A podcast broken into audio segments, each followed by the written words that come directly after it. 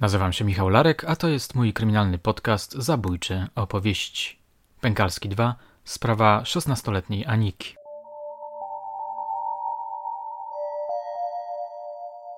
Sprawa Leszka Pękalskiego cały czas jest aktualna.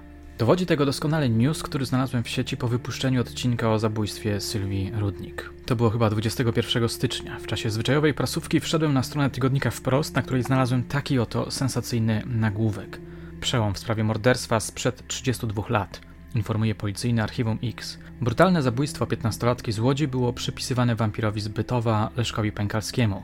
Jednak po latach okazało się, że za zbrodnią stoi znajomy ofiary, wówczas 21-latek. Tutaj mała poprawka, nie 15-latki, a 16-latki. Z dostępnych, ale i bardzo lakonicznych informacji prasowych wynika, że jakiś czas temu do tej sprawy wrócili policjanci z zespołu do spraw przestępstw niewykrytych Wydziału Dochodzeniowo-Śledczego Biura Kryminalnego Komendy Głównej Policji. Raz jeszcze zbadali zabezpieczone dowody, korzystając, jak czytamy, z nowoczesnych technologii. Mimo tego sukcesu sprawiedliwości nie stało się zadość. Zabójca zmarł w 2015 roku, sprawę umorzono. Pozostawia to nas w specyficznym poczuciu niedopełnienia – była zbrodnia, ale nie było kary. To zawsze jednak jakoś uwiera. Przyznam, że kiedy zapoznałem się z tą wiadomością, od razu zacząłem myśleć o sprawie Sylwii. Szanując wyrok sądu, dopuszczam jednak myśl, że pewnego razu jakaś grupa śledczych znajdzie nowe ślady, dzięki którym pojawi się nowy podejrzany. Archiwum X podobno cały czas bada sprawę domniemanego wampira zbytowa. Zobaczymy, co jeszcze uda im się nowego ustalić. W świetle tego, co zostało powiedziane we wspomnianym moim podcaście, sensacyjny zwrot akcji nie jest całkowicie wykluczony. Przypominam, że jeden z obrońców Pękalskiego, mecenas Andrzej Sud, twierdził, iż zarzut zamordowania Sylwii, za co Pękalski został skazany, nie różni się od zarzutów, z których został uniewinniony. Jest w tym chyba jednak trochę racji. Ale wróćmy teraz do sprawy zamordowanej nastolatki z Łodzi, czyli Aniki 3. Dzisiejszy odcinek chciałbym poświęcić właśnie jej śmierci.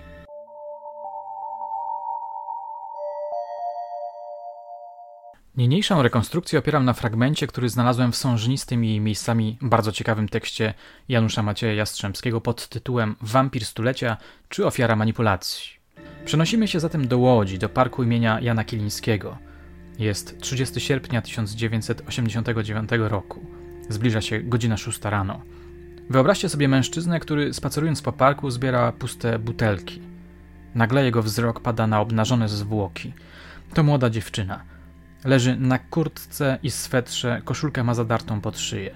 Jastrzębski podkreśla, że milicja została zawiadomiona o tym dopiero po czterech godzinach. Dlaczego? To nie zostaje wyjaśnione. Martwa dziewczyna to 16-letnia Anika 3. Funkcjonariusze dobrze ją kojarzą. Nastolatka sprawiała dużo kłopotów swoim rodzicom, uciekała z domu, nadużywała alkoholu, obracała się w złym towarzystwie. Brała także udział w napadzie na taksówkarza. Prawdziwa, zbłąkana dusza, którą sąd kazał umieścić w pogotowiu opiekuńczym.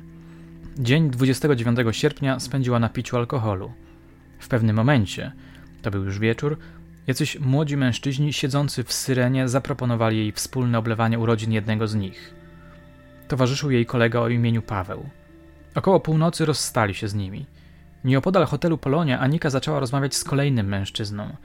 Wtedy Paweł miał się od niej odłączyć. Z tekstu Jastrzębskiego wynika, że w tym momencie tracimy z oczu pijaną Anikę. W chwili śmierci miała dwa promile. Wygląda na to, że ostatnia noc tej dziewczyny była intensywną, alkoholową towarzyską odyseją, pijacką włóczęgą – im dłużej o niej myślę, tym bardziej zastanawia mnie, jakie wewnętrzne demony nią targały, skąd się brały te mroczne podszepty, które kazały jej szukać nocnych wrażeń. Jak już wiemy, zostaje odnaleziona martwa, zamordowana i zgwałcona następnego dnia o godzinie 6 w parku imienia Jana Kilińskiego. W jakich okolicznościach została zamordowana? Jaki był mechanizm śmierci? Oddaję głos Jastrzębskiemu. Najprawdopodobniej została zaatakowana, gdy dochodziła główną alejką do ulicy Tymienieckiego. Napastnik zaciągnął ją w pobliskie krzaki i przewrócił na ziemię. Stawiała opór. Wtedy uderzył ją w twarz, a żeby się nie wyrywała, uklęknął na niej, uciskając kolanami na tułów. Zaczął ją rozbierać, Ale ona się nie poddawała. Wtedy zadarł do góry jej bluzkę i uciskał nią na szyję Aniki. Z przerażenia oddała kałę. Po uduszeniu zbrodniarz obnażył jej ciało, podłożył pod nie jej kurtkę i odbył stosunek płciowy zakończony wytryskiem nasienia. Sprawcy nie wykryto wówczas i wobec tego pod koniec 1989 roku sprawę umorzono. Parę lat później, w 1993 roku, do zabójstwa pijanej nastolatki przyzna się Leszek Pękalski.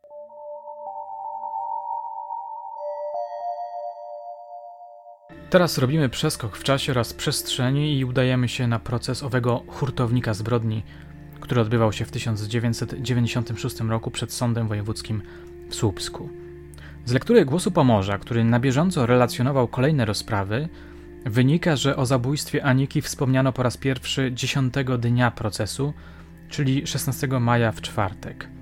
Sąd miał wątpliwości, czytamy tam, że miejsca zdarzenia rozpoznano po wyglądzie krzaków, a nie na podstawie wielu innych charakterystycznych dla tej części łodzi szczegółów. Zaraz po tej wizji prowadzący śledztwo policjanci zaczęli mi wmawiać inne zabójstwa, powiedział oskarżony.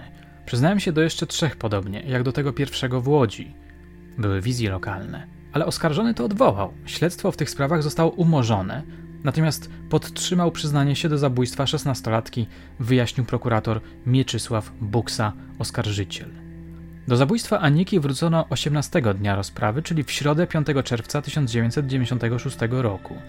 Przesłuchiwano świadków, także rodziców zamordowanej dziewczyny.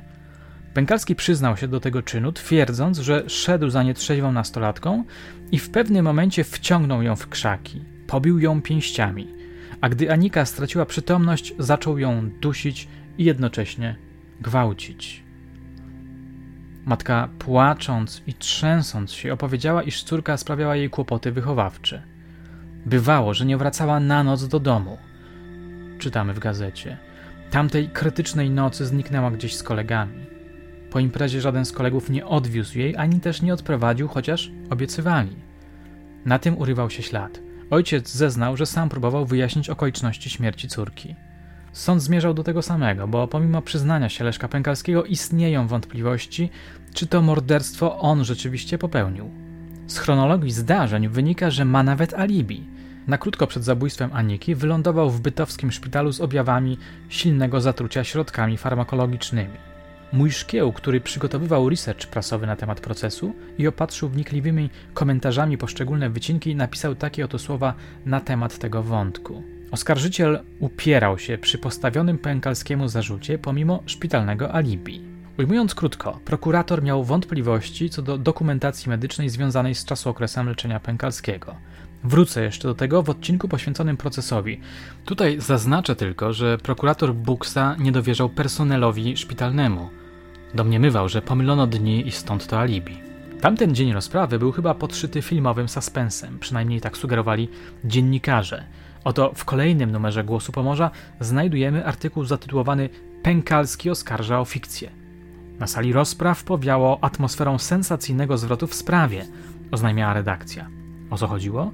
Właśnie o szpitalne alibi Pękalskiego. Personel szpitala w Bytowie zapewnił oskarżonemu alibi, z którego wynikało, że będąc na szpitalnym leczeniu po samobójczym zatruciu się lekami, nie mógł być on jednocześnie w Łodzi, gdzie w nocy z 29 na 30 sierpnia 1989 roku zamordowano 16-letnią Anikę. Czytamy. Gdyby uciekł ze szpitala, to byśmy zawiadomili lekarza dyżurnego i policję tym bardziej, że do szpitala Leszek Pękalski trafił po nieudanej próbie samobójczej, powiedziała jedna z pielęgniarek. Jego ucieczkę na pewno by zauważono i byłby ślad tego w dokumentacji. Inni świadkowie zapamiętali pacjenta Leszka Pękalskiego z różnych sytuacji, innymi z tego, że spałaszował siedem obiadów, dopominał się muzyki z nieczynnego radiowęzła, z przydługiej piżamy itd. Tak Oskarżony potwierdzał te fakty i uparcie przyznawał się do zbrodni w Łodzi, aż cudzysłów pękł pod nawałnicą pytań sędziów Andrzeja Cyganka i Andrzeja Dymalskiego. Z tą łodzią to zostało mi wmówione tak samo jak w Cychrach, Wrocławiu, Białogardzie, Papowie, Żninie, Chwiramie i w Machlinach. Wydusił z siebie Leszek Pękalski. Dopuściłem się zbrodni na Sylwii Rudnik pod Darskowem, w Lęborku i Toruniu. Pod Bełchatowem też ja. Jak widzimy, wyjaśnienia oskarżonego, czyli Leszka Pękalskiego, cechują się absurdalnością. Pękalski przyznaje się do tego, że był jednocześnie w dwóch różnych miejscach. Głos Słupski, opisując ten dzień rozprawy, wspominał o rodzicach Aniki, którzy udzielili wypowiedzi gazecie po złożeniu zeznań. Nie mogliśmy pogodzić się z tym, że Anika nie żyje. Teraz po latach to wszystko wraca. Tak trudno jest sięgać pamięcią do tych tragicznych chwil. Chciałem powiedzieć, że wyobrażam sobie ich ból, ale to przecież byłaby oczywista nieprawda. Mogę sobie natomiast wyobrazić ówczesnych hejterów, którzy zapewne twierdzili, że Anika była sama sobie winna. Mogła nie pić, nie szwendać się w nocy po mieście. Głos Słupski, relacjonując 35. dzień procesu, to był 13 listopada, środa, wspominał o ponownym przesłuchaniu pielęgniarki z bytowskiego szpitala. Na wniosek oskarżenia Sąd Wojewódzki w Słupsku ponownie przesłuchał Grażynę B., ponieważ prokurator Mieczysław Buksa podejrzewał, że pielęgniarka pomyliła dzień dyżuru z dniem, w którym przyszła po wypłatę. Mogło to oznaczać, że zapamiętała pacjenta ze zdarzeń o dobę wcześniejszych. Zdaniem prokuratora, Pękalski uciekł ze szpitala, pojechał do Łodzi i zamordował dziewczynę. Tymczasem z wczorajszych zeznań pielęgniarki wynika, że kiedy zginęła Anika, Pękalski był w Bytowie. Grażyna B. bez cienia wątpliwości stwierdziła: Wiem, że w czasie mojego dyżuru Pękalski przyszedł do pokoju pielęgniarek. Rozmawiał ze mną. Wieczorem podałam mu leki. Pielęgniarka miała być asem wyciągniętym z rękawa przez prokuratora Buksę. Gazeta skwitowała porażkę oskarżyciela cierpkim tytułem As zmienił rękaw.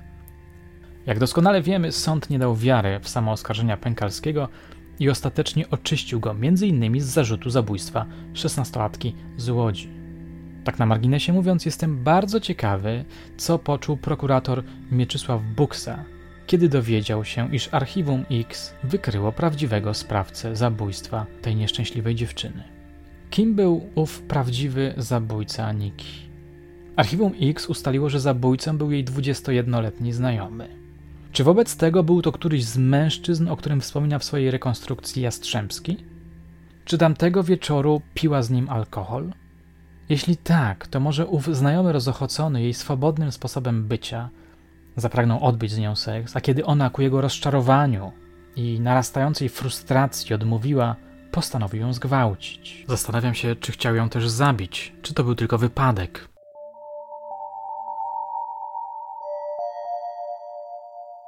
Moje drogie, moi drodzy, na dzisiaj to wszystko.